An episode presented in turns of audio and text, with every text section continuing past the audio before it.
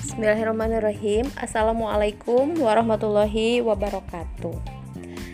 Nah pertemuan kali ini kita masuk pada pokok bahasan 5 Pokok bahasan 5 ini akan menjelaskan, akan membahas tentang prosedur dan rancangan pengelolaan kelas. Namun sebelumnya, sebelum masuk ke pematerian saya ingin mengecek terkait dengan materi yang sebelumnya Silahkan merespon absen 2, absen 3, dan absen 4 macam-macam pendekatan yang sebelumnya sudah saya sampaikan. Boleh 5 macam pendekatan saja. Silahkan absen 2, absen 3, dan absen 4.